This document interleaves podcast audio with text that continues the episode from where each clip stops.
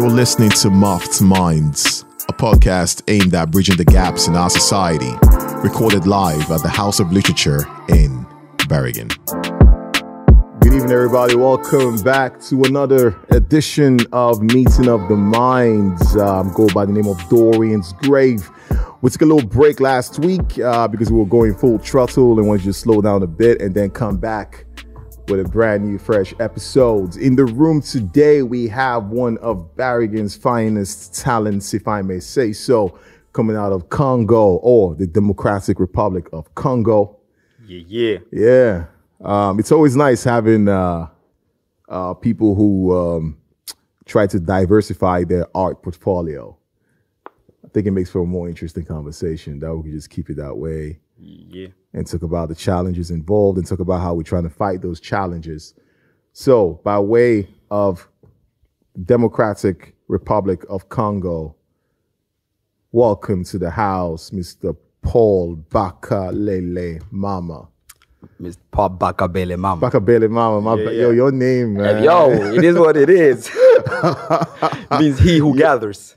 What does it mean? He who gathers. He who gathers. He who gathers. All types of things. Because we, we, we, we know this thing about African names, you know, when they always mean something. Yeah, my father told me like two years ago. I was like, where was this my entire life? You you just found out two years ago. two years ago, Holy man. shit! You in that wonder, like, hey, dad, what's that? What does that even mean? Yeah, because I'm named after my um, my granddad, and that's where my uh, uh, stage name Papa Paul comes from. All right. So I'm named after my granddad, and then they were always calling me Papa Paul since I was young. But I dropped that for the Bergen. But then we became a group. Then I changed mine to Papa Paul, which you know hits more home. yeah. Papa Paul. Is that how you say it? that's how I say it. That's the ad lib. All right. the backing vocal. Yeah, yeah. I got you. Uh, before we jump into this conversation, Paul, um, I mean, when you when you're into hip hop, I personally feel like when you come on these platforms, you gotta drop some bars, man. Man, that's you know. Let's get straight to it then. All right, let's let's hear what you got. I, Papa Paul, Papa Paul. Familiar with the bad habits, turning up, falling down, and I'm gay hype addicts getting served till I go bucking pretty much like park and crack addicts as I fall like a drink from my table. Chemical reaction, I'm not stable, stumbling and mumbling on my way downtown. Man, stayed, I'm crossfading. I let them know right away not to play with me. I take my mask off and let them stare at me. I put my mask on to let them know that this guy fucks, yeah, this guy talks, yeah. A lot started rhyming for my skin color, being the black cool kid at school was such an honor, yup. Self-taught in foreign languages since day one. Norwegian med litt stril. Navnet er det Bergen, gi liten gnist. English from my wits, tags and my messages. French on the tongue when we talk to the missus. Le langue de l'amour, and that's why we approve. I gather a lot of clues, learn how to fish, man. Swahili when I teach. Shout out to the scavengers, learn by the whip. Just ask Pedro Quill, that's how you learn quick. Just ask Marco Polo on the Kublai Khan, overcome the pressure so you can survive. Follow the leader or be a pet upon, man. I forge my own path like the dynasty of Han. Oh. I got the Mongol prowess, I might read your song. Born Navy blue black under the sun in the Congo. Congo, trouble not my motto, motto. The Bergen takeover, I'm focused and sober. Reason Leo quit P3 was to find me, sign me, put me on a stage, pull back and release me. Ain't got no shows yet, you want in, come find me. I've been hiding in the country, been hoarding all this talent, fondly soon, man. And if you gotta ask, then your girl's probably slutty soon. Back to the talent, got it plenty more focused on pouring henny instead of earning pennies from my bank. To be frank, to be Hank Moody, cooking up some mischief on the beat. I'm a weird foodie from the motherland, loves to boogie. Suspect in the street, don't wear a hoodie. Suit up, suit up, never looking dumb in front of Judge Judy. Hey. okay. All right, all right, all right. Okay, okay, okay, okay, okay, All right. okay. All right. I see you. I see you got the bars. I see you got the bars. I the see you lit got the house. bars. I see you got the bars. What got you into hip hop, mate? like to be frank like uh just uh, like on a deep level just a lack of representation were around me like i had to find like okay what the what defines me you know based on like you know, being black because I'm from Africa, right? But I was so I, I, I want to say like popular culture, like MTV, like I just saw hip hop from for listening. I started listening to hip hop when I first came to Norway. I didn't know it existed before I got to Norway when I was like eight, and then a friend of mine who I grew up with actually introduced me to like 50 Cent and those people. I was like, whoa, those are like the coolest guys on the planet. It seems. Yeah, I want to. I want to be like them. I want to. I want to be cool. But um, I didn't. That didn't make me start to rap. That just made me want to be cool, like those guys, right? So that stuck with me for a, for a long time. So I would em- emulate those, the, you know, their mannerisms. Right. Yeah, not wearing chains and that, but just you know, Yeah, yeah, yeah. the way the they- swag, you know, shit. Mm. groovy. Yeah, that type of thing. So I, I started doing that s- since a young age because my the musical expression that I was, um, how do I how do I say, it, exposed to as a young is Congolese music, completely different thing. That's what you. That's what you took from Congo. Yeah, there's you know, a lot of dancing, a lot of rhythm, a lot. There's like a, Congolese music, like a whole thing. There's an orchestra. And stuff. Awilo Longomba. Mm, got you, got you, got you. yeah, that's about like right, and Werrason and all of those people. So right. yeah, I, I, I'm, I want to do that as well. But hip, I felt like where where I was, I felt like hip hop would be the perfect place to start. Right. Yeah, Right. So you, I mean, I mean, hip hop obviously laid a very strong impression on you. yeah. And when you were, what? When you came out here, you were eight years old. Eight years old. Before we go into the hip hop, what what was life like back in Congo? Actually, Life was uh, since I was so young. Life was simpler, obviously. Right, right. There you go. But uh, very different, man. Like uh, everybody, everybody around me was black. Like that was Mm. was not there was never like doubt on who I was in the world. The world we the odd one out. Never. There was like an endless sea of Congolese people. So you know, you there's some in, inner peace that's go, that goes with that. You're Mm. safe no, no matter if there's war or, and everything going on. You know, there was, there's always war in the Congo because of several reasons. And uh, yeah, my dad, my dad worked. And uh, my mother would work sometimes, but staying at home. Grew up with a lot of siblings. I have like six sisters and one brother. So yeah, so I'm used, yeah, I'm used to a big family. That's a big family. Yeah, they were always around me, and then other, you know, extended families just, just around. A lot of family, and uh, yeah, safe. I went to school there for like we. I, I think I started when I was five in school, and then uh, five, six there. Yeah, life was very different, man. I was just enjoying life and planning the future, not involving moving from there. yeah, yeah, of course, of Uh, course, of like, course. Well, we we would have conversation already what I should, you know, be be studying or be, what my mother and all my parents wanted me to to do with my life. You know, get a good degree, you know, get a good career, all the things already as a six six year old. Mm. Yeah, that that's that's pretty uh, African. putting in uh, there, and I, and I don't mind. No, it's right? a good thing. It's, yeah, it is. I think it instills a certain kind of discipline in you. Yeah, and then you know, I with my mind, I would always like you know picture this, like okay, that's what my life is gonna be like, and yeah, it didn't seem bad at all. But every time you pictured something, did you picture it in the Congo? Yeah, that was there was never talks about leaving the Congo. Right. It's, it's what it's what we knew, what my parents knew, even though things were happening around us. That was just life, and we I didn't picture me doing anything else but live my life there. And then when you're eight years old, you made a switch up and came to Norway. Yeah, for several different reasons. Um, Yeah, right. It could be anything. Really. Yeah, right. We, we don't have to get into a lot No, of those things, so. but yeah, we uh, we had to relocate, relocate. You know, Mm-hmm. migrate to to Norway. So we came to Norway in 2002, uh, straight to Sotra, where I Oh, grew up. shit, Yeah, straight to Sotra, straight to Sotra. What was that switch like for you, mate? It's weird, man. We had a TV back home, so we would always uh, always watch movies with a bunch of Europeans uh, in it, and, and all of that, right? And I would always wonder, oh, what are those people like? And I would, you know, in, in my as a kid in my mind, I was I was like, yeah, they're just like in the movies, but I had no idea where Norway was before we, because my my dad wanted to go to Canada because we were francophones. It would be easier for us to, you know, continue the path we already uh, put because I went to school there and in Congo and, and all that.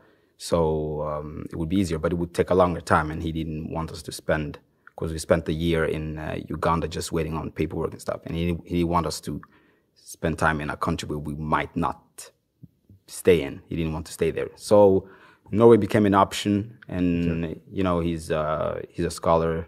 My, my father in literature, he has like degrees in literature and stuff. So um, yeah, so he he knew like okay, Norway seems like a good country to to raise some kids in. So we came to Norway. The switch, man. I had I had pizza for the first time. Okay. When I got to Norway, it was waiting for us because they made everything ready. so to go play, to go plane, you know, uh, came to Norway, bunch of mountains. I remember endless tunnels. It was like I was in the tunnel, just I was in the, in the bus, just going. It's another tunnel, another tunnel. Oh my god, another tunnel! It was crazy because I mean I'm not used to mountains, but we had a like we had like, like a volcano, we was which was really visible from where we were living. Mm. You could see from far away, but I wasn't used to mountains. I'm, I'm gonna tell you this though. I mean, I think a, a lot of Europeans tend to be under the false impression that Africans are used to mountains. I'm not used to No, so weird, bro. I'm, I'm used to seeing far ahead. Here, when I was looking, I was like, whoa, straight up, straight up, tunnels on tunnels on tunnels. It takes like one uh, one hour and forty five minutes from the airport before they made even more tunnels. Right, took one hour and forty five minutes. Was the longest journey of my life, I believe. yeah, you got pizza the first time. Pizza, bro. I've, I'd have watched some Teenage Mutant Ninja Turtles. Man. Hey. I knew about the pepperoni pizza, man Right. we we we get in Norway and there's like you know pizza gone from our papas or whatever. I was like, yo, what, you feel like Donatello for a second. bro? Pizza for the first time, amazing. Uh, fridge fully stacked, all kinds of goodness. Okay. Like it was life changing, man. Because in Uganda we changed our living standard. In Congo we we were doing fine. We weren't lacking food on the table, nothing like that. But in that transition year, our living standard went way down because my father was full focused on making our case, and my mother would provide by doing commerce, you know, uh, selling clothes and all of that, food on the table, right? Right. So the yeah, so all of that, and then you know went from there, and then we got to Norway, where the living standard is considerably hi- higher, right? Got an entire house, our own rooms, like bro, like your own room. my own room, but bunk beds. Oh shit. Okay. Ooh, bunk beds and all. Bunk beds. Damn.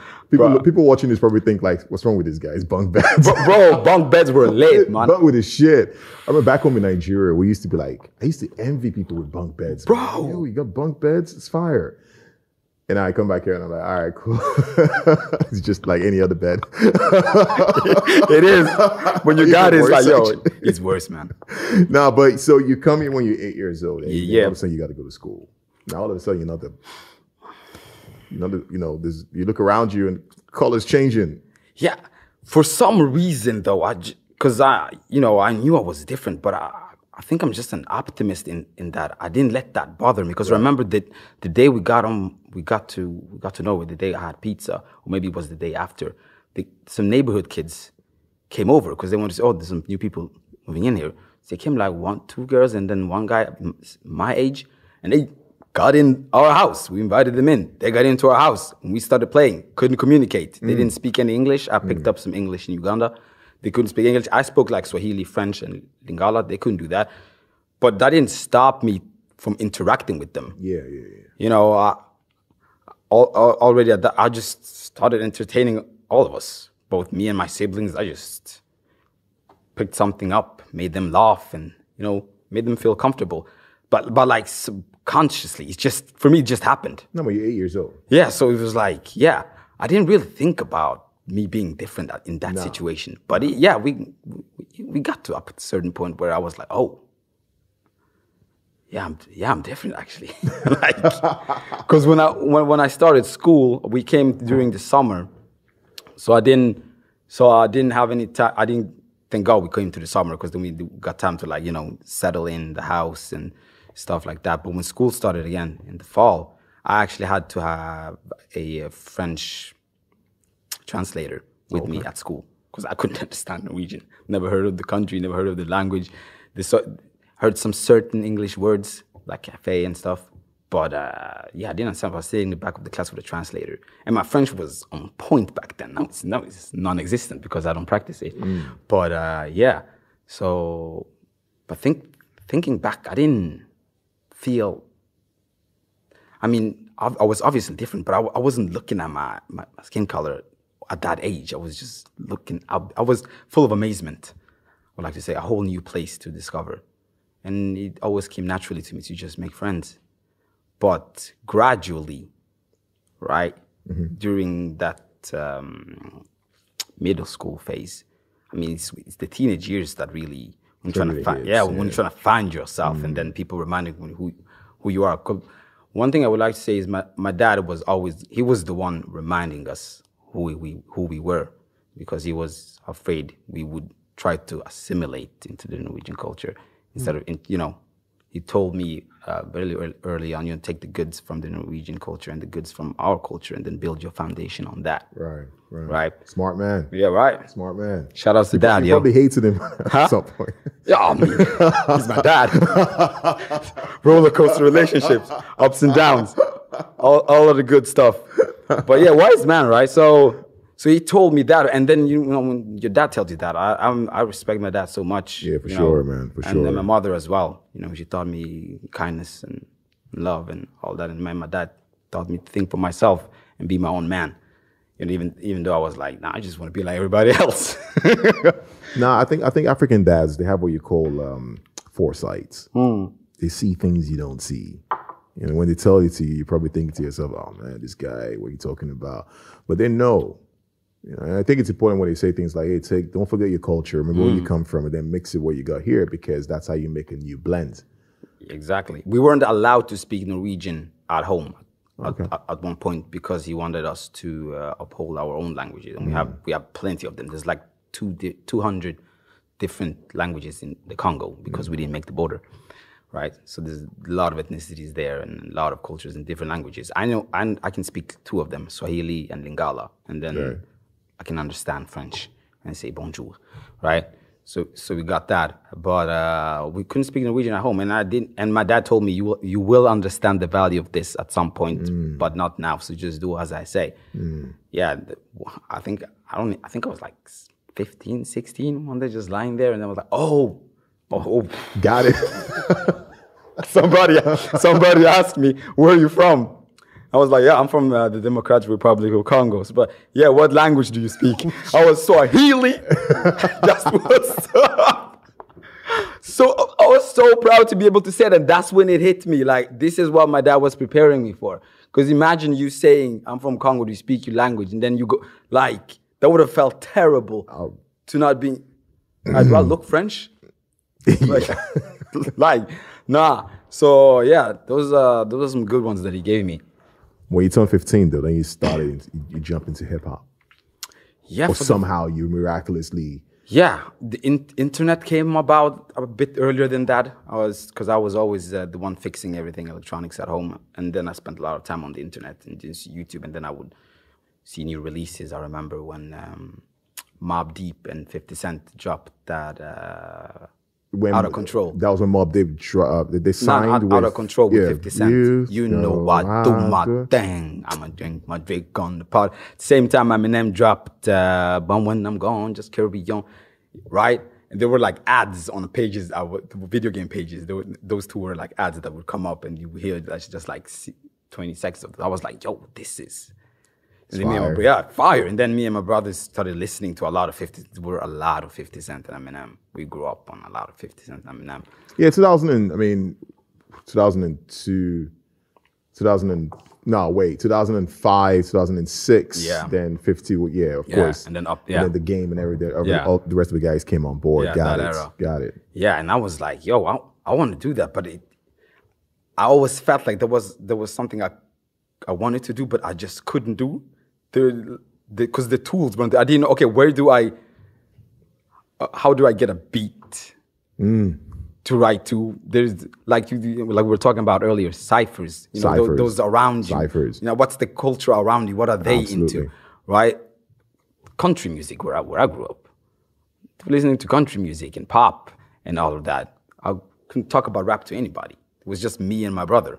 We would listen to rap music, and, I, and I'm the older one, so I'm supposed to drag us forward. And I didn't know where to go, so uh, I didn't do anything with it because I just felt like I didn't have the necessary tools, even though they were there. But uh, would have Yeah, but how would you even know they were there? I mean, they- exactly right. It's, it's that thing I keep. I was telling uh, people about um, where, um, like, I asked you the question on purpose. When you're 15 years old, you jump into hip hop, and then the next thing is, what next? Yeah. Right. You start listening and then you, you don't know where to take it. I have this bar that I wrote. Uh, grew up around Norwegian woods. No mic stand where I hang. No bloodshed in my hood. Newcomer to the digital age. Former Eminem stand. That's like me just reflecting on where I grew up. The funny thing is, I my dad would document a lot of our upbringing, just film, filming with the camera. Okay. And then when he wanted, then he gave me the camera to film around. So I started playing with that early on before the YouTube thing came on, just playing with the camera uh, when I was younger. But it never struck me to just started rapping. That never just,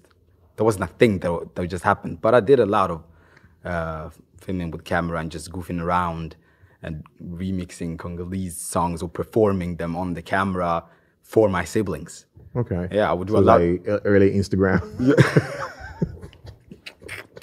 I'm so glad that was you were already creating Instagram stories before Instagram stories if, became if a thing. TikTok was a thing was- was back then, bro, we would have made millions by now, man. I'm just saying. like, I was doing TikTok and Instagram and YouTube before it was a thing, which is the sad part is when it became a thing, I was doing complete other things. I was playing football and hanging out with my friends. so far ahead, so far ahead of time is like you're living backwards. Man.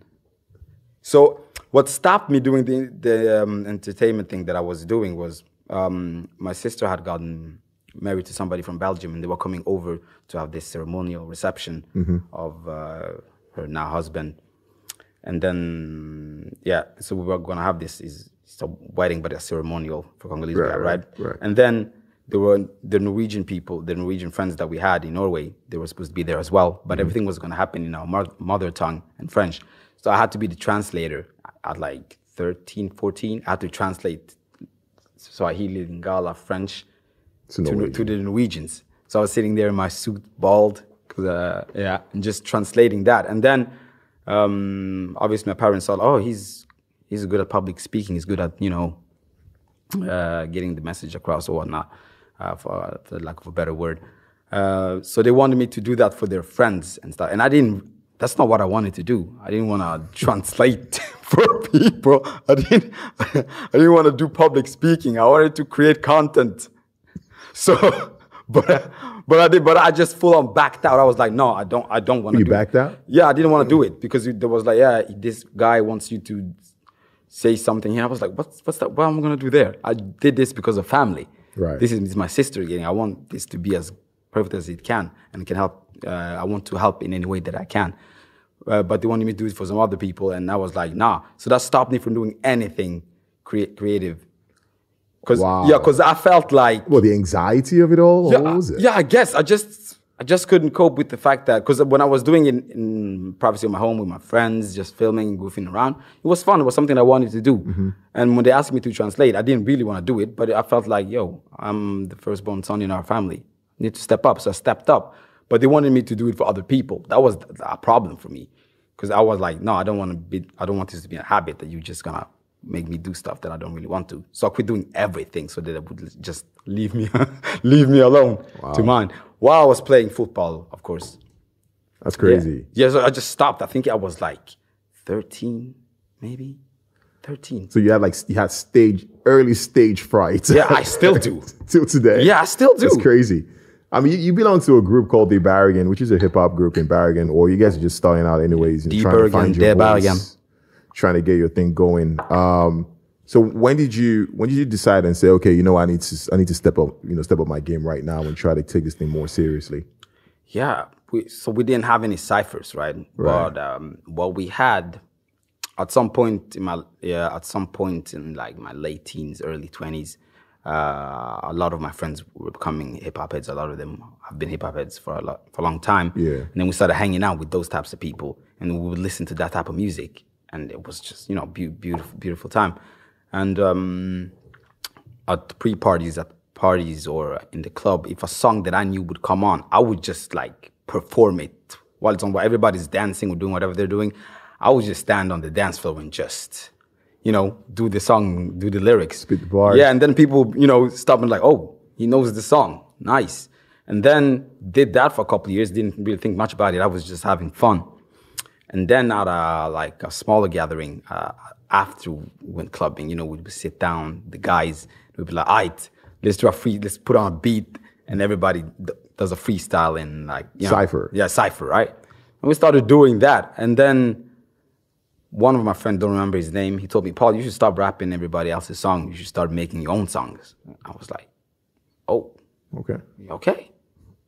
Because now I've- been on the internet for a long period of time, almost 10 years. So I, was, I knew like all, the, all I need is a piece of paper, a beat. That's it. Yeah, that's it. And then I just started riding on the bus. I have like a one hour trip from where I live to the city. And I would use that time, do the eight mile thing. Do The eight mile thing. I was, I was just about to say do the eight mile thing. All right. Okay. Emineming okay. it. No, but it's it's crazy because like you talk about going to hip hop when you're 15 and you didn't have the right tools necessary for Mm. you to take your game to the next level, and then many years probably go by. Yeah. and then you get back, you know, on the on the wagon and try to start doing this thing for real. I mean, isn't it therefore important to highlight that the lack of information holds you back? Yeah, a lot. especially as a black man. Not, not to say it in those words, but I feel sometimes uh, we Africans, we just don't know where to go. Yeah. And these things, these tools are actually available for us to use, but we never get that information quickly. especially here. Like we talk about when I was 15, I like I, um, when we talked earlier, I said there's- there were no culture houses. If I, that's like kulturhus. I don't know how to translate that to Yeah, English. culture house. Culture house, right? Where they have this, um, where they have this uh, opportunities Hmm. for kids who want to, you know, do cultural things like you know get better in painting, playing the guitar for almost free of charge. Um, I didn't know those places existed until like last year or maybe 20 not last year last year That- Crazy. that's when I that's when I figured out that you could actually rent a guitar and bring it home and practice first thing you could actually get some studio time for free in the city you you can do a lot of things until you're 26 from your 8 to 26 I learned that when I'm 26 When you were 26 is when you go. All right. All right, what? So you're telling me all this time I've been in my couch? but that's this is one of the reasons why I keep saying that we um ah, I don't want to use the word systematic oppression. But like, I don't want to use that word because it's just I, don't know, I feel like I've used it too many times. But at the same time, it is what it is because the conversation is always different with people I talk to, and it tends to shift towards that direction. Now imagine you've been 15 years old and you didn't realize you had access to these things up until you were 26. 26. Bruh, that's 11 years later, Oh, over a decade. So I'm trying to compensate for that that, that time. You know what I'm, saying? What I'm talking about? There's, there's been like a whole many thoughts that's not been expressed throughout those years that Yeah. That I actually needed to get out there, but they've been stuck in here. So when, so when I rap, I feel like you know I'm almost rapping like I have to go back in time to Yeah, just right, catch up to myself. right. To catch up to myself. That's crazy. Yeah. Because you know, sometimes I was having a conversation with a friend of mine, and he said that I want you notice when you go to a party sometimes, and and it's like an after party. I don't know about you, but me, Mm-hmm. there's always a Norwegian guy who can play the guitar. Always. There's, Always. some- there's always one guy. All of a sudden, like, ah, I'm gonna start playing something. And I started looking at that trend. I'm like, well, all of you play the guitar. What's going on here? Is there something I missed? And that's because I'm forced to think that most of them actually had access to that thing They did. you didn't have access to. They did. And I, and I would see them, but I just wouldn't understand. Yeah, I was like, how the fuck you play? I was, he was like, "Yeah, I'm going to guitar practice." I'm like, "Where? That's wild. Where, bro? That's wild, Where? man. So in my head, I always thought like, "Oh, his parents got money, so they bought him a guitar, and they paid for his guitar lessons." Which takes me to culture, cultural capital. Let's go. Right. Now, for people wondering what's cultural capital, okay, so we have things, we have social capital, of course, which is your status in society. You see a lot of that in Africa, West Africa mostly. Um, you have economic capital, which is how much money you got in the bank, and that's fine. You have cultural capital, which is something money really cannot buy. You know, it's just something you, of course, maybe you pay for a class or whatever, and you have it for life. It's something you, acqu- you know, you acquire- yeah, over doing- yeah. time. And I think that's that probably is an edge um, most Europeans have over foreign uh, people who are not from here. Let's put it that way. definitely. Um, because they acquire these things so early. Yeah. Like going to the movies. Something sounds you, you take that for granted, right? But in Africa, I never went.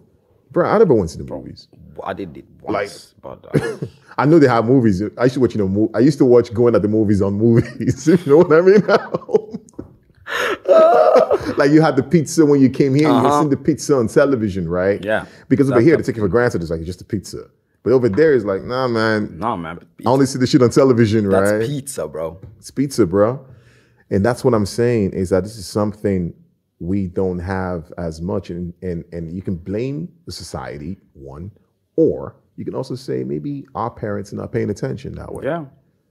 And there's several reasons for that as well, right? Of right? course, of Right? course, and it goes down because obviously Yeah. where they're coming from, they, ha- they never had access to these things. Except maybe you have some money in the bank and of course explore.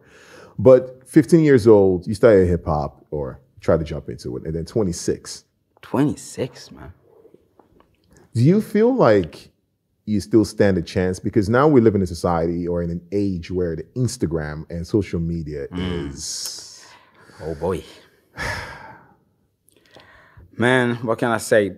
What I've learned by by you know doing by writing and being trying to be an artist is that you know just practice patience, man.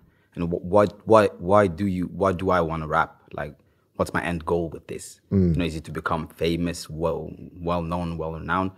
I just want to be good at it, man. That's like my first that's my Do you worry about the publicity?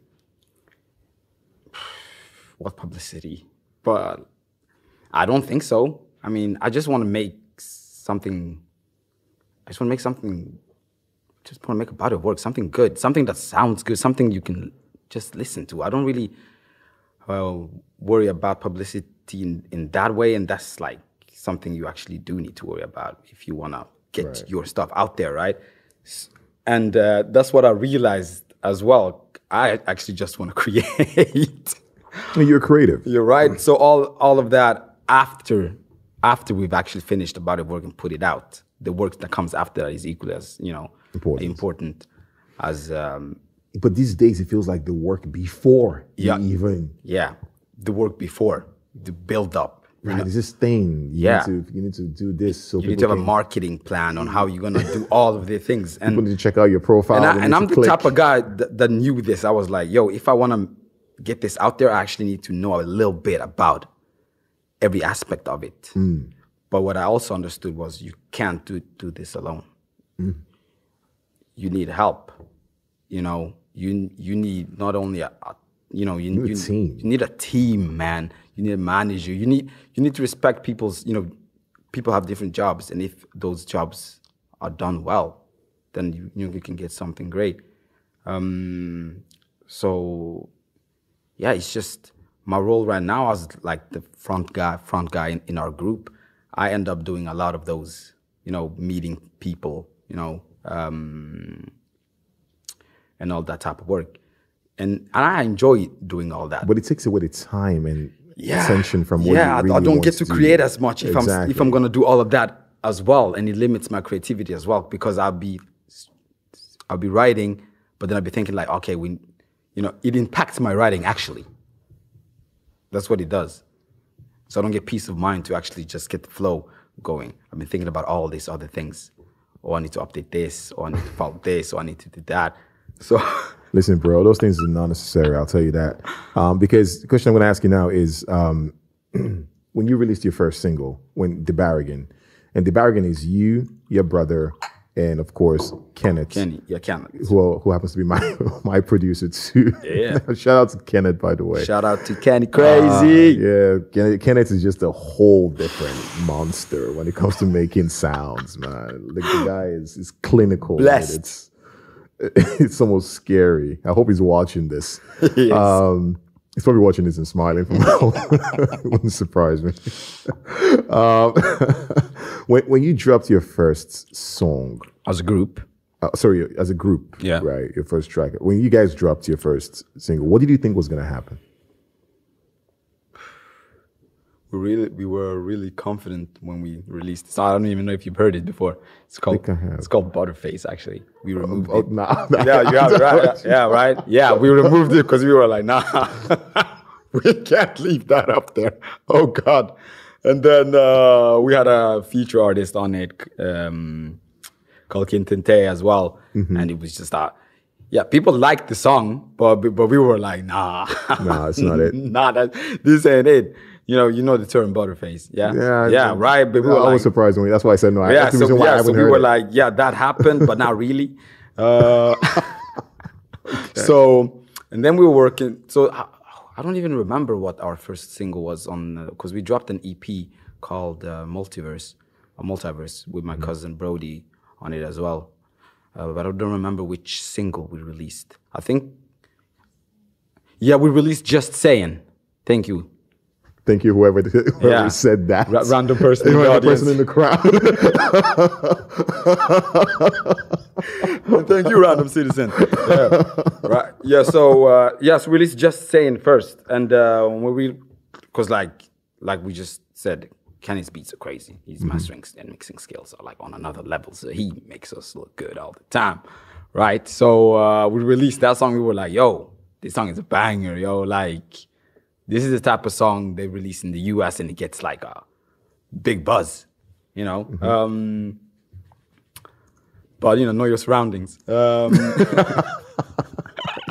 I'm an optimist, so I was like, "Yo, we we made a banger. We're gonna release it, and you know, those people want to sh- share them, they'll share it. You know, and th- that was me thinking. You know, people thinking like me. If people hear something that you know, at least we think. Resonates with you, yeah, do the same with them, with right. other people too. Because at least with the people that I know, the pe- the people that I've you know been with uh, ta- talking hip hop, you know, they. Mm.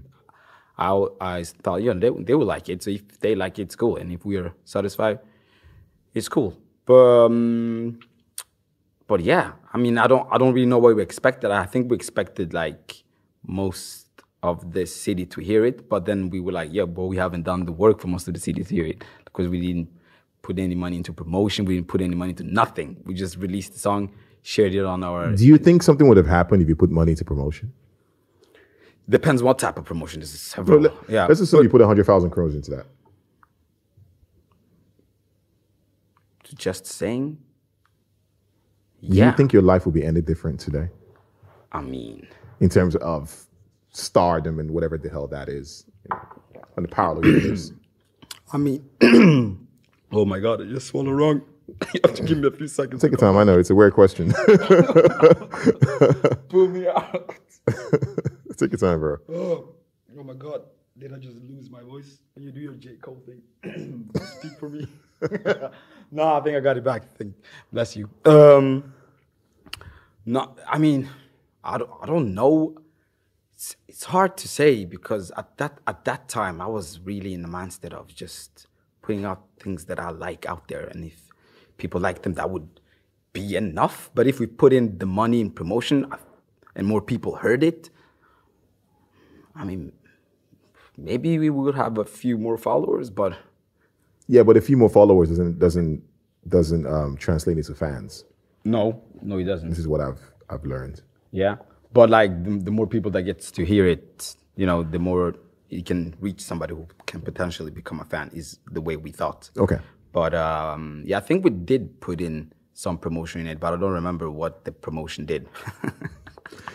Not my department, unfortunately. I'll I'll you something because when you said something, you said why didn't you get the big, you know, you, you say you were going to get a big buzz when you released that song because it was a good song. You put time and effort. It was great. You resonated with you and with the whole squad. And everyone was happy, and we thought, yes, this is a banger. This is going to shape everything. Barrigan is going to know who we are because we are the Barrigan. I'm gonna tell you this. Um, when you talked about how your songs sounded like the songs coming from across the ponds in the United States and whatever, and you think about people like Kendrick Lamar, think about people like J. Cole, of course, who just released an amazing album. I haven't heard it way. yet. I, I heard it on my way here. it was Spoiler alert. insane. Um, and it's about Drake. It's about Isaiah Rashad. We could talk about whoever it is you like.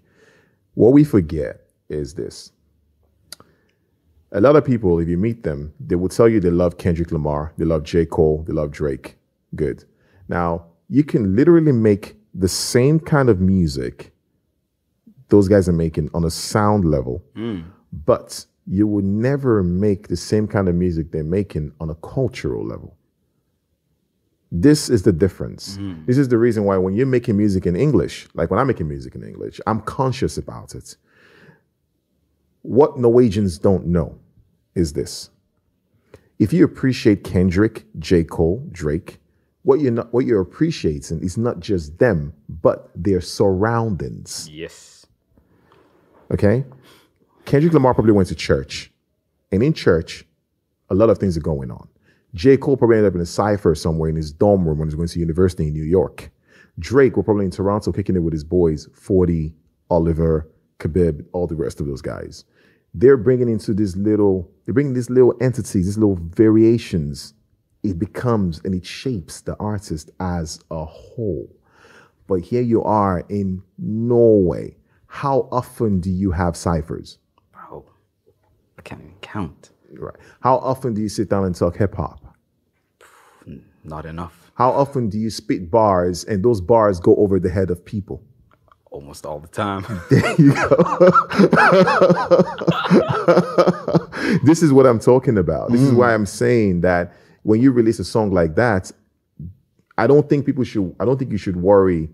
Or I'm not saying you're worried, but I'm saying look, some people worry about it and they say, "Oh man, what's going on? Why is my song not doing this and this?" Well, it's because your song sounds great, but your song is not sounding as great because those guys have what you call cultural entities that are involved that mm. shape that sounds. But you live in a place, like I said, you, you answered all my questions early on. No, I haven't had ciphers. No, I don't talk hip hop that much. Oh yes, my my my bars go over the head of people. And once all these things are checked like that, that's where you know that it might be very difficult to become a great artist in terms of hip hop hmm. here. Now, if you were in Congo, for example, right? Yeah. Think about it. Yeah. If you were in Congo and you had that same sound Ken, Kenny has, and his Killing it. Bro, I've heard some Congolese music that, you know, that that's some Congolese hip hop. Dude, I, oh, yeah, I heard some shit too.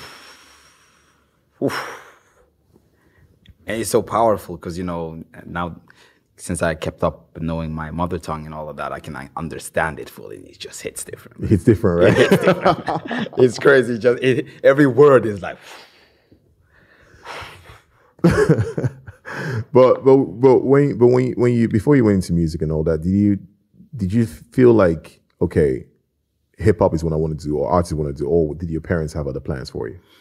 they had other plans and so i did like um, what they call studious pass here that's like a normal course in high school. You, you have math history all of those.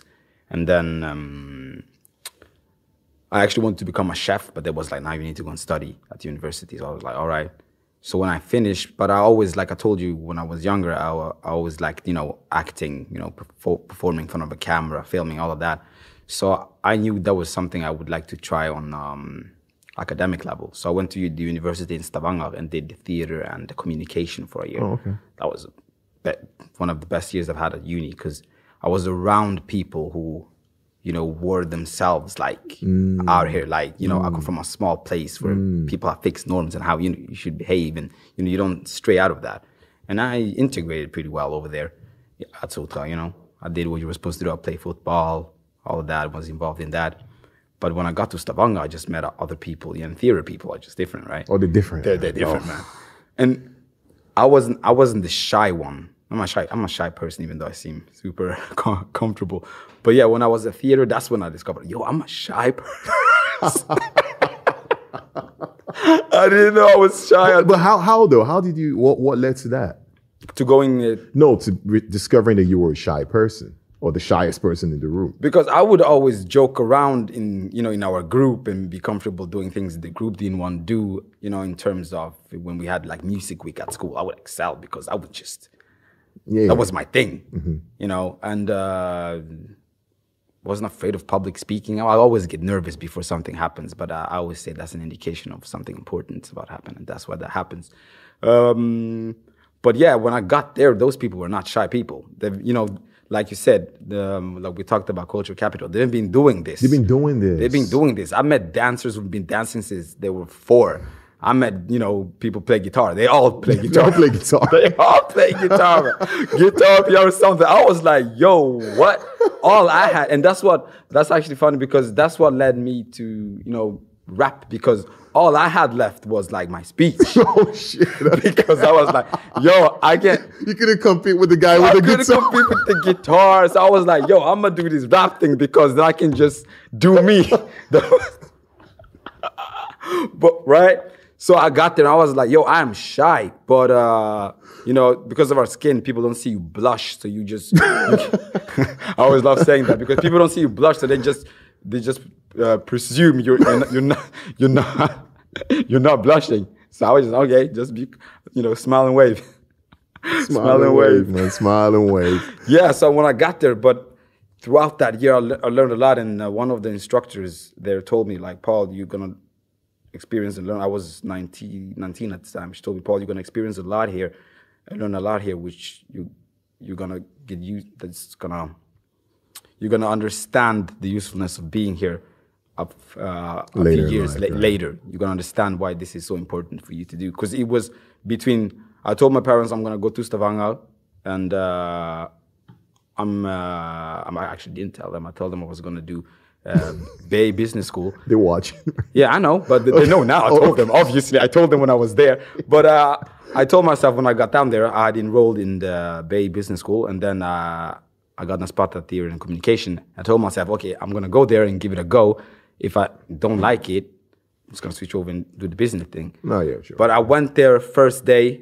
I come, you know, backpack there, you know, being the black hole kid, and just, you know, pull pull up to the classroom, super nervous, but you know, they don't see me blushing, so ain't gonna mean a damn thing.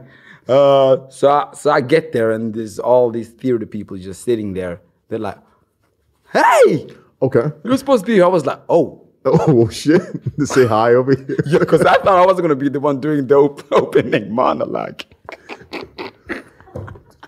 Wasn't wasn't that a breath of fresh air in a way? Because I, you know, sometimes you're the black guy in the room, Bro. You feel like you got to be the the one to keep up the conversations. and- bro, like I grew up watching a lot of movies, man. You know, right. you know, you, you know me. That's why I said, you know, being the black hole kid and, and, the, and tokenism and all of that. Uh, I learned a lot of. I learned a lot of because I'm a. I learned a lot of being tolerant with people because I grew up watching South Park on MTV. Okay. I watched a lot of South Park. That's where I picked up a lot of my English. That's why I sound American sometimes. Okay. But I watched a lot of South Park, and they were, you know, they had this view on America, which is uniquely to them. You know, they bring out that, you know, that ignorance in a funny way. And as a kid, when you when you under, you understand it on a subconscious level, but you don't really think about it. No. You- right? You don't You just absorb. yeah, right. Yeah. And then there was one one black character there, one black kid in fourth grade, and his name's Token. Hence the tokenism. Right? And it would, and yeah, so I would, I would like, oh, okay, he's chill, and then I would, I would just, you know, the, the stereotype of the cool black guy. I emulated that. Had to walk, had to talk, You, you so you literally built a box for yourself and bro. put yourself in it. bro. Imagine, right? And then I got to the theater people, and it was just like, yo, they blew that up right away because they were actually putting me in a situation where I had to like actually express myself, and I've been doing that since I was like, you know, 15 or long before that. You know, 15, that's when I tried to rap. But, but even before that, when I quit doing it because of uh, my parents wanted me to do other things, that was like 13. So, so it was a long time where I didn't express myself in any way. And then I get there, people expressing, them, expressing themselves all kinds of ways.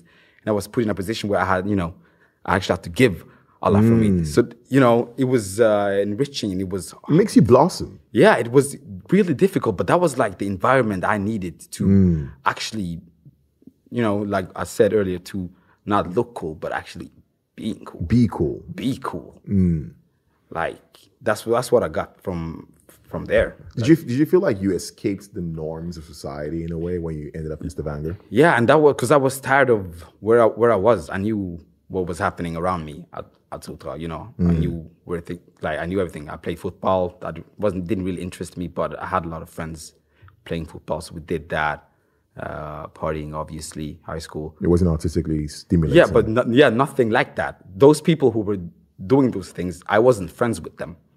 okay, right, right, Right? right.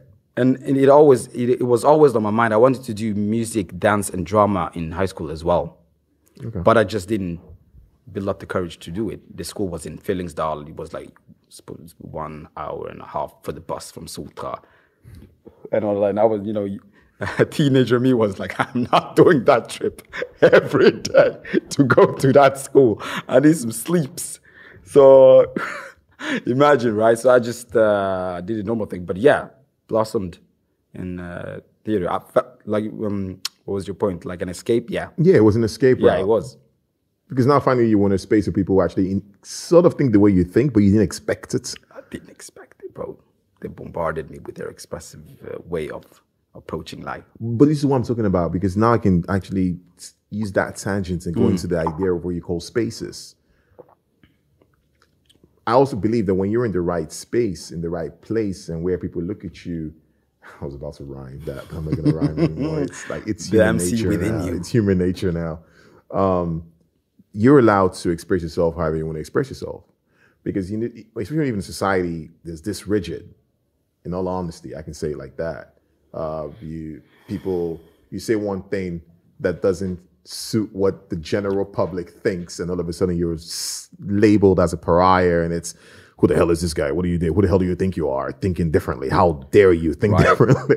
Because I know for a fact, like what I what I heard and with what affected me throughout my childhood growing up was like, if people were doing music, dance, and drama, those in my in my circle of friends and people that I knew in my neighborhood, tho- those weird people. Like, yeah, right. They were the, they were the yeah, we were the football guys. You know, we played mm. football. We did this. Mm. Yeah, don't be like those people. Mm.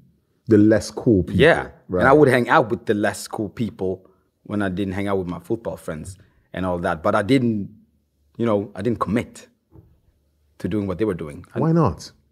Were you scared of being looked upon as not cool enough? yeah, of course.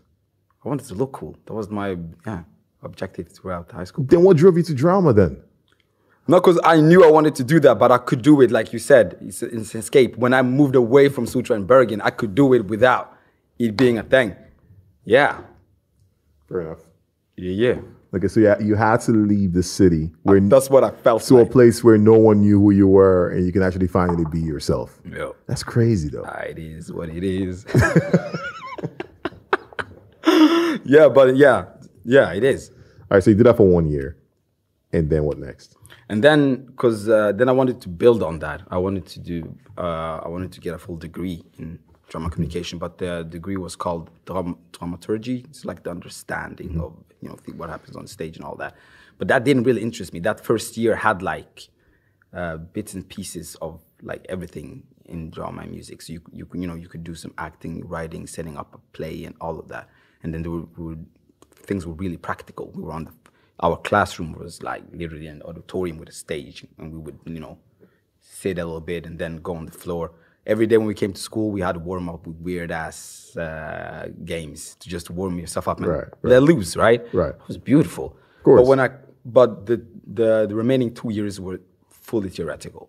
And, and, and that did not interest you, of course. I was like, nah, nah, I'm going back to Bergen. And when I came back to Bergen, you know, I went back into that space, those same friends that I knew, that lack of expression. did you feel different then? When I came back, most definitely. Most definitely. I felt way different. And because, you know, with social media, with social media, everybody that I knew I had on Facebook. So when I would update things, they would see what I was doing and I would see their reactions to what I was doing. You know? Um, yeah, and that was Did you get bullied for that? no, actually not. Actually not. I mean, A little bit. yeah, my, Your- bro- your my brother was- like, my brother saw a picture of me once. He was like, okay, Mr. Actor. And he, and he- you know, that was like, I didn't know how to take that. And uh, some of my friends were writing like, okay, because they, they didn't expect that from me at all. But I think they all knew me enough to know that that's what he should be doing. Over time. Yeah, yeah. I mean, even that year, people were like, "Yo, this actually suits you, your personality. You're a, you're like a entertainer of sorts, but you, you've never taken it seriously. You've never, you know, you've never had to go and actually commit and to doing this one thing. That was the first year I actually did and wholeheartedly went and did something that I was passionate about. Mm. You know, and it was beautiful. But then the remaining thoughts of, oh, I actually need to get a business degree because then I can get a job that will keep stability and all, all of that. That was still, so it was constantly a battle in my head what I should do and what I want to do. And it's still going, but I'm a lot better at it now. I think this is what society does. Yeah. Um, in my, op- which is super weird. Like when people ask me, Michael, what do you do? And, I, right? All sorts of things. I'm like anything. Anything I get my hands on. and and it's this thing I understood because I studied chemistry at the university, and um, then I took actually a year in media and communications myself. Cool. At the University of Bergen too, and somehow I just saw these things, and, and I was like, "What are we doing here exactly?" you know, it was just going through my mind constantly. Like, what what is this really? Because then I, then I started seeing the future, and I was like, "Wait a minute! When you're done with this, what are you going to be doing exactly?" That's the thing, because I, I, when I came back to Bergen, I took like a gap year and then I worked a little bit. And then I went and enrolled with my friends at the BI Handelsskola. So I So you actually enrolled Yes, I, yeah, I went there. I did a year with them, um, marketing economics. When I was there, there was still, I was super confident in myself because I just came from drama. So I had, so I, I had like, you know, yo, I'm, I'm, I'm myself now. I don't, like those other things are just behind now. I can fully be myself. And then when I get there, I meet the insecurities that I had because you know this first first year students, there's so much insecurity, and I was like, whoa, what is going on? And at, at school, the one of the lecturers noticed that I, I wasn't afraid to just you know because they wanted us to stand in a circle and do things, and people were super shy. And I just came from drama, so I was like, yo, let's get in a circle, let's do this thing. And then, then the, I remember uh, the lecturer told me, "Hey, Paul, you got you got some leader skills." I was like, "What? What do you mean? I just wanted us to get it over with. The sun outside, and nobody got time for this. Getting to know games. I, I've been part of getting to know games. Yeah, They called it lead. yeah, bro. skills. I was as shocked as you are, man. I was like, "Oh, that's that's what that is." Just- it's common sense, man. man. But when you think about the things you're saying right now, from a from a very how would I put it, clinical or therapeutic perspective, it's like you never fit in. Let's face it. yeah, And don't get that's don't take this the wrong way. No, you know no. what I mean is, and like, like I'm the same. I'm the same. Ex- pretty much exactly the same. Actually, when I think about it now, it's it's and because if you say you're going one place to do something and then you end up doing something else, which is uh, drama and theater, you did that for a year, Yeah. and then you, and this is something you supposedly didn't think was cool, but it's actually what you wanted to do. yeah, it And then, and then you end up doing it, and then you come back to Bergen yeah. and start doing the one thing you're That not supposed to. Mate. bro. So one year of torture. bro. I was like, nah, I can't. Can't I can't stay here, man. okay. But w- while I was at school, I, I think uh, because I, I I did go to Oslo to do the um, the rest of the um, theater theater degree. So I was there for half a year. Oh wait, one let, semester. Let's take it. Let's, Yeah. let's run it back. Yeah. Um, so you started with theater, theater first. Yeah. In Stavanger. Yeah. You did six months there. Uh, no, twelve. You did, whole- you did the whole year. way here there, and then you came year. back to to Bergen. Yeah. Go to BI. No, no, no, no. I didn't come back to Bergen. I went straight to Oslo to build To build on it. All right. on, on the degree, but then it was too theoretical for me. So I was like, Right, nah, right, I'm not right. doing this. Came back to Bergen um, at uh, the second semester Mm-hmm. and uh, just worked. And then, yeah, then I started working at, in sales and all kind of wasting of time. And I wasted a lot of time doing that. And then I started uh, at BI like a year after that, I believe. Not the same year, but the year after that. Yeah, and then I did that with uh, some of my childhood friends who were doing that. They obviously knew what they wanted to do, and we've talked about it. So my plan initially was to do the three years of, of theater and drama, and then come back to Bergen and do the three years of of BI as well. Yeah, but I ended up dropping out the first semester there, and then came back to Bergen and just kind of did nothing but wait for the three years to catch up so I could start BI. Then I did BI for one year. And I was like, nah. You regret any of these um, gaps? Yeah, I mean, if I was going to do it again, I would have just taken the dramaturgy degree, which was really nice because you wrote the bachelor, uh, the, the bachelor thesis. The I guess. thesis, yeah. Yeah, the first year. So the remainder of two years, you just Oh wow. yeah, you just go.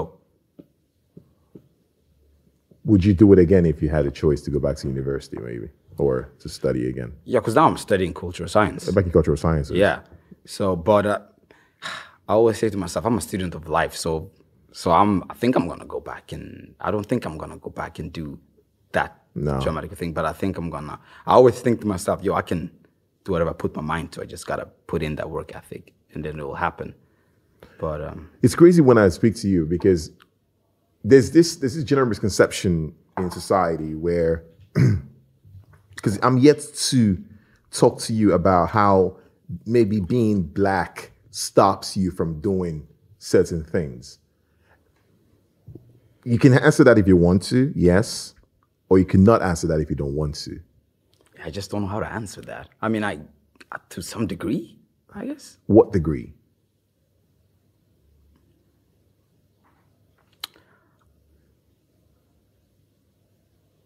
I think for me, in uh, initially it was the to get a degree in theater was never something that was presented to me. I had to discover that on my own. So it wasn't presented as a real option to take in life. It was, you know, economics, this, um, uh, what do you call what you sp- law, this and that. And I, you know, I did some courses in law when I was in high school, and, and I liked it, but it was like, yo, Terry, I have to go, I have to read. I, I'm not a good reader, man. It's too much to read. Paragraphs and stuff. I'm like, nah. Just respect the law will be good. b- yeah, but but yeah, it wasn't presented as, as something like you could actually, you know, get a degree in and start a career in that. It was, mm. was never presented to me at any level throughout school. Isn't that weird? It's super weird. Yeah, Because we don't think about it. If you watch the movies here in Norway, how often do you see a person of color on the main role? There's Super Kid, I know, but that was I think that was a play, and that's it. Yeah, and I'm terrible at watching Norwegian movies. So I. Oh, actually, one of my favorite movies is Norwegian. Which one? Uh, Den brysomme mannen. That's what it's called. It's on NRK. Okay. One of the best things I've ever seen in my life. You need to catch that. you can check that out. Super weird, but it's it really explains a lot of things in societies you you really understand. I understood that early on when I watched that movie in 2003. That was when I realized the society I was in, actually.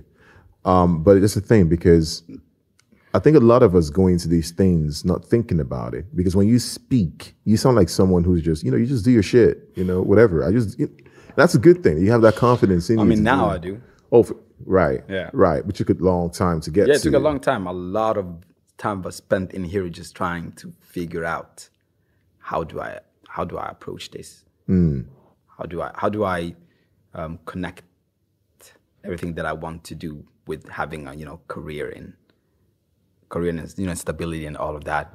So it's to thinking about stability have cost me a lot of uh, opportunities to actually to to just dare to do things. Just to yeah. When you grew up in Con- in Congo, you talked about growing up in a big family, having a support system, and I tell people all the time: as soon as you leave that place you're coming from into a new space like here, even if you're with your family here, it's not the same anymore. Same it's a lot. Why? Because when you're in Congo or when you're in Nigeria, whatever, what I tell people is this: if you look across the room in a classroom, there's usually faces you recognize. And not only the faces you recognize, you actually know a lot about these people's personal lives. You know mm. who the father is, you know who the mother is, you know he has an uncle who makes millions, mm. or he has that trust fund going on there, or maybe that just broke, whatever. But when you come here, you don't know anything about anyone, really. You really don't. You don't. You really don't. Because when when you go to your drama school alone in Stavanger and you look around you, you see these other kids. They have Kanye West said it in one of his songs. I'm a black man with the confidence of a white male, Yeah. which is kind of a weird thing to say, but, I, but, you get it. But you get it. yeah. Because if you notice, it's called, it's called privilege, right? Mm. White people have a certain kind of privilege, and you ask yourself, like, where's that coming from? I'll tell you where it's coming from. It's because you don't know who this person is. This person probably has a rich father or a rich mother, or maybe even broke. But then again, they have things they already know about in life mm-hmm. that you don't know about. No so when you go to school to study, career is not even something you're looking at because you're just there, right there in that room to do that That thing. to do that thing right now. But when it comes to actually becoming an actor or becoming a stage performer or dramatist or whatever it is you want to become, then you start to see your mind start to play trick on, tricks on you. Because then it's like, oh shit, what am I going to do now? I don't know. Fuck this. I'm, I'm out. This is something people don't think about because I, I've, I've heard something like this before. It even happened with me too. When I was studying chemistry, that also happened. I was thinking like, man, I really got a shot. you know, I feel you, man. And they actually told me. It's funny you say that because they told me at because I told them like, yo, I want to go to Austin. I want to actually, be, you know, try and becoming an actor. They told me that. They told me, yeah, it's it's, hard to becoming an actor. You know, there's gonna be a lot of uh, economical instability. So in my mind, I was like, oh, so I need to start business so that I can, so that I can get that as well. Oh, yeah. Why would someone say that to another person? Wow. Like, uh, uh, it's that thing that it already ruins the journey before you even get on. Yeah. Especially when you have your parents who are Africans too. You know, they're looking oh. at you like, man, you better do the right thing. Even though they might not say it like that, but you know how African parents can get. Yeah, right? and, and it's like when I was when I was there, my father told me like, "Yeah, I'm glad you find something that you like, and you know we support you and all of that." But I've had like, you know, ten years of uh, being told like you need to go to the university and study something so you can have, uh, you know, a career, and these are those the best options to do that. Mm. So even though they were supportive now, I still suffered from uh, the notions from the past, the things that I've been putting been put in, in my mind already. So I was fighting myself along the way the entire time. Absolutely. The entire time. I should have gone to act- times, Yeah, I should have gone to acting school. But I was like, no, I need some stability. I need to be able to provide, you know. So I need to do indecisiveness, just which made me become like stagnant in life and just just mm-hmm. pause and just you know reflect and just think. Just think. Spend a lot of time on on the internet just watching people's you know speak public speakers telling about the experiences that type of stuff me and my brother would watch documentaries on all types of people just to acquire some right. you know, some knowledge just to you know how the, does the world work all, mm. all of those things spend a lot of years doing that and then you know one day we meet kenny and we're like we, we're doing this No, I mean Ken, Kenny. Kenny is Kenny is amazing. Um, for those who know, I, I, repeat, Kenny is his producer for his group, and is also actually currently also my producer for a project we're working on together. Um, and it's not often you find people like that. Nah. This is what I would tell you, because people like that who are willing to go the extra mile for you to make sure something works. Imagine if society did that across the board in everything we would have great people, man. You'd have done great things. Great things. Great things. But uh, so unfortunately, we have to find these things for ourselves. At 15, you figured you had the skill to rap. It wasn't until you turned 20, was it 22, 23? 20, yeah. Right. Years passed, and then you realize, shit, I could have gone to yeah. cultural houses to learn some stuff for free. Yeah. How did that information pass me by, especially when you're someone who's jovial, someone who talks to other people, someone who people recognize. How did that information not come up? You gotta ask like, yourself that question like Ever. How did that not come up? How did that not come up in a conversation? Like for for me, I'm thinking it's because I spend a lot of time in the county that I, that I grew up in. Yeah, okay. like like over there, because I, I I didn't spend a lot of time in town. You think it'd have been any different if you were in town? Yeah. Okay. Yeah because when you're in town, the culture houses actually have posters of, with their like um, options on what you can do. They mm. deliver them to schools in pamphlets, so you can actually see if you go to school in the middle of the town. You know that oh, there's a house there where people go. Ungdomsklubb, they call it youth club. Where you can go and they have a studio there, and they probably have some mentor guy there who could get you started. I'm not trying to sound like a pessimist or anything, but actually told me that in Sotra there was no white kid who could play the guitar. nah, man. What want me to say? But yeah, I mean, those places probably existed on Sultan. I just didn't no, know. I'm just saying they, they probably weren't in the Sotra. They probably were in the city. Yeah. But no one told you about it. Nobody. You know what I mean? I had to discover that. I spoke to, to Kingsley the other day about the same thing. And it's like, I asked him the same question. With all the skill sets you have, isn't it interesting that no one has seen you and or see people and say, hey, bro, listen, you're good at this. Let me help you take it to the next level. Because in Africa, in Nigeria, where I come from, when people are trying to aspire to become something, I mean, lucky for me, I have people who support me here in the literature house, thank God. Mm. And but in Nigeria, people who are trying to do something, people lift them up. Yeah. You know what I mean? People just come out of nowhere and be like, hey, fam, I see what you're doing. I love what you do. How do we help you out? You understand? No, no, I feel you. But here it's like you have to go the extra mile or extra 10 miles, or in your case, extra 11 years. 11 years. That's crazy. and it still sounds good. But um, yeah, it's it's weird how that how that happens. But but like when we release music now, you know, our friends are there and doing all of that. But but the question is why why isn't anybody else like you know hyping this this thing up, right? yeah, that's what I don't understand. But I, now I'm meeting people and they're like, "Oh, you do this?" And I'm actually meeting people who appreciate that mm. you have an art form that you can that you can mm. do. I haven't mm. had uh, my friends have been those people, but now I meet other people that are like, "Oh, that's cool that you rap." Okay, do you want to do? You don't want to do this? You want to do this? Mm-hmm. With like you want to. I, I'm at a place now where I can actually meet those types of people. I guess that the type of people that you have met too, who can actually help you. Yeah. You know, get to the, the next level. So I'm, I mean, I'm lucky in that sense. And where I work as well, there's a bunch of people coming in. Right, you know? right, yeah. right, right.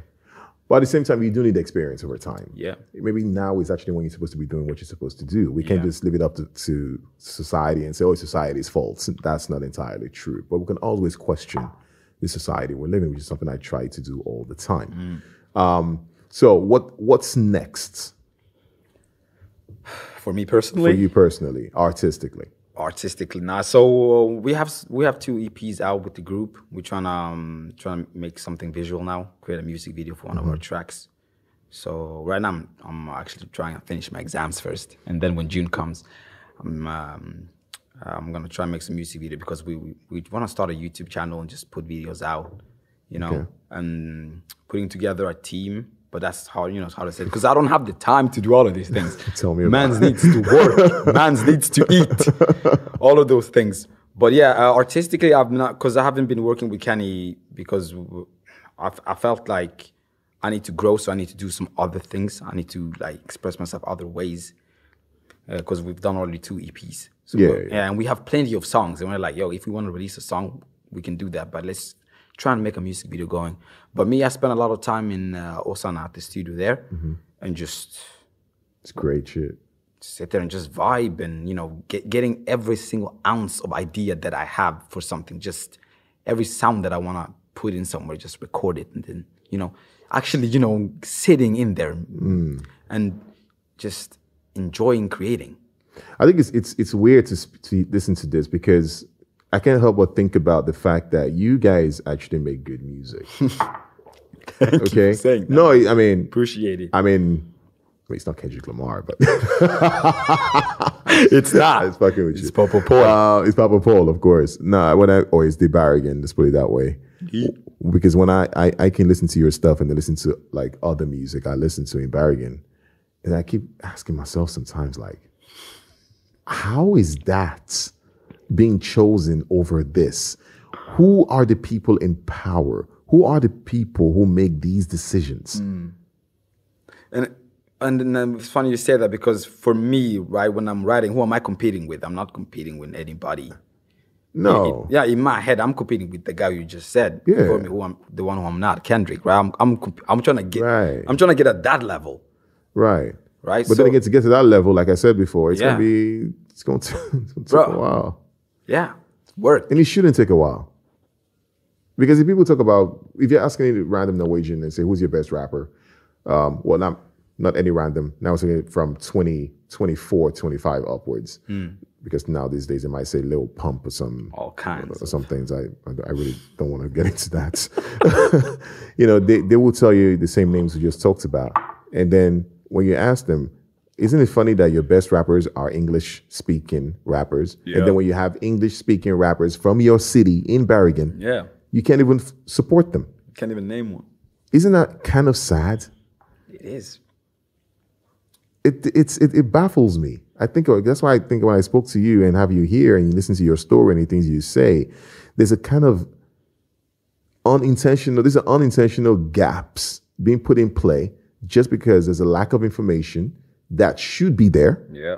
or is there, but is not being displayed to you, or the right support is not being given. for some weird reason or the other? Yeah, I don't know, man. I mean, How do you keep it up? Though? How do you stay afloat? I've been 11 years without doing it, man. What are you talking about? I have plenty to give, man. I've I have a lot of energy that I need to get out there. Um, you know, and it's it's coming, it's becoming less and less about becoming popular and just more and more about becoming great at it. I guess, I guess that was yeah, That's a good answer. yeah. Because as you as we talked about earlier, you know, uh, what would we thinking this song would do when we release our first single? Oh, you know, blow people's minds Yeah, and yeah, yeah, yeah, yeah. You know, that was the initial thought. But as as we're working with music, I'm like, yo, I just I just I want to be good at this, like Mm. really good. Where there's like, you know, and when I'm when I feel like I'm good enough, and then I put music out there, and then it's still the same energy, you know, then I guess I'll have to uh, address that differently then. Do you think you will ever see you on Sogalmeni and playing together with the guitarist Richard? Bro, yeah, yo, summer's coming, right? I want to see that. Yeah, I want, I want to do that, man. Bring a boombox and just voila. Don't ask for permission, just do it. Yeah, I think I'm just gonna. What's the it. worst that can happen? I mean, I mean, Bergen Community, some of, they're probably, some of them probably watching this right now thinking, what the hell are they planning? Yeah. And we're talking about. they they know what's up. they should know what's up. We had the This lit house. we, are telling them now. Now they know. I yeah, mean, pull up. just show up and see what happens because there's this thing uh we we we we as artists we some of us myself sometimes i don't rely that much on instagram and social media even though it might look like i do i rely more on the real world and what's going on outside so we're talking about how to you know you want to make a song and you want to showcase the song why not just go on the Go on the streets. go on the streets and just do your thing without asking for permission from the municipals or whoever. What's the? I mean, what's the worst? thing? What are they going to do to you? I mean, what? They're going to shut you down and that's Bruh. it. just move to down another spot. Like, I just want to do those type of things because I feel like you know you don't need a stage to you know to do that. You just need to be out there in the world, and that's where I want to be. And I have I have too much to not share. Like I have too much. I've written a lot. We've recorded a lot. You know, and since we can't release all of it at the same time, just continuously hmm. take it to the streets. Take it to the As streets. the lingo goes. How does how, how how have you seen or how has Corona affected you? I've gotten a lot of opportunities doing many different things. I got into graffiti like a year ago. Your girlfriend is in Yeah. graffiti right? Yeah, she she's in a graffiti artist. fire. D- D- Diane Art. She's fire. Check that out. So um, she got me into. She actually made me way more, way more cultured than I was because she introduced me to all of these different things. Oh, okay. Hooked me up with my first gig and everything. Oh shit! Okay. Yeah, yo, Alright. she fire, Okay. right? So um, yeah, so I'm into graffiti, and then we give out like uh, graffiti courses to to the youth and stuff like that. We were at Voss doing the underground thing there, and then yeah, we've been many different places. So that got me. I always wanted to you know paint and all that, but nobody was there you know to push me or nothing like that. Mm. But but now I'm in a space where all of those opportunities are just there, and I I just what I need to do is just pull up and actually do it. So Corona been good to me because now I finally know what I want to do, and there's no distract. There was no distractions.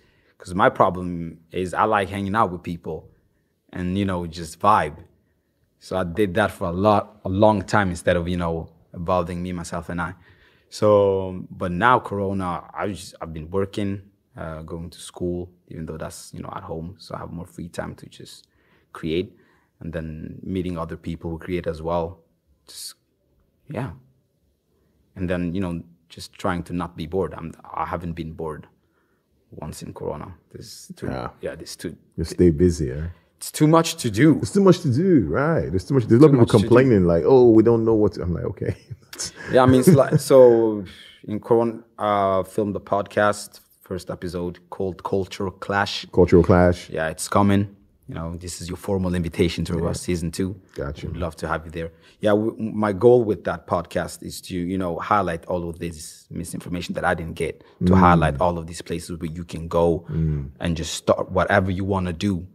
You know, now you can, it's all just Google Google away. You can literally Google Studio Bergen, and then the municipality will even come up. You know, right, right, um, uh, youth club here has a studio, or the youth club in uh, Åsane has a studio. You know, And but still, that information is not reaching those people he needs to reach, even though it's out there. Right. You know, it used to be easier before because you could bring a pamphlet to a school and put it there. Like, you know, you know what I'm talking about? I think I'm gonna start doing that. Start do- Listen, man, I'm telling you this: the new way doesn't work. You need to go back. Word of mouth um, works all the time. It does. It nothing nothing beats word of mouth. Uh, you, you you don't want to call yourself a mixtape, the mixtape artist. Uh, you know, check out my mixtape. But Yo. but if you really give a shit about your art, you won't tell people to check out your shit. Check out my mixtape. Don't care about what society says. Don't let don't care what people look at you and say, "Oh, this is a guy always bothering us." Because if that's the case, there's nothing wrong with you. There's something wrong with them. If they're not passionate, if they're uninspired, and if they're ungrateful, then that's not your problem, mate. Nah, man, it it, it really isn't. And uh, you know, it took me a lot of, a lot of time to realize that as well. So now I'm just driven because the only thing who was stopping before was actually just me and you, man. Mm. just me, man, man in the mirror and all that. This guy, man. Yo, my guy, thanks for coming out, bro. We already out? no way. We got six minutes. You want to go? Want to keep going? Sure. No, I'm just kidding. Nah, man. We, nah, it was, it was a good, man. I'm honored to be here at Meeting of the Minds at the Lit Husa. Shout out to Litteraturhuset. Nah, it's um, it's it's it's the thing where people forget how time flies when they actually talk about the things they do Yeah. and focus on that, as opposed to other political issues and whatnot that the whole world is probably already talking about. Yeah, man. I'm so glad we didn't go. I'm, to I'm, not, I'm Yo. not go there, mate. Why? Because we've done so much of that that we forget who we are here. Mm. And if I don't bring you here to talk about you, they will never know about how um, a, a six, seven year old watching this or the mother or the father of a 10 year old would never know that you can actually have guitar lessons Yo. for your kid For free. for free. For free. We will never know these things. That is why I keep telling people it's important to get artists and creatives to talk about what they do. That way, you might actually figure out some things for yourself. If you keep talking about what's going on in the world, man, Wow. wow. it just, I mean, so, I mean, uh, don't get me wrong. I appreciate people talking about that, but I never, I never really understood why I see these things as distractions, to be honest. Yeah, spend a lot of time, you know, you giving energy to those distractions. But like, yo, I need if I because I, I want to be a person who can like you know I've been told you know, lead by example. But Right. you know, but first and foremost, you gotta you know go within. Mm. You know, and uh, Corona's been is a good it was a you know it's been a, a good opportunity to you know do that Mm. without a lot of distractions from outside.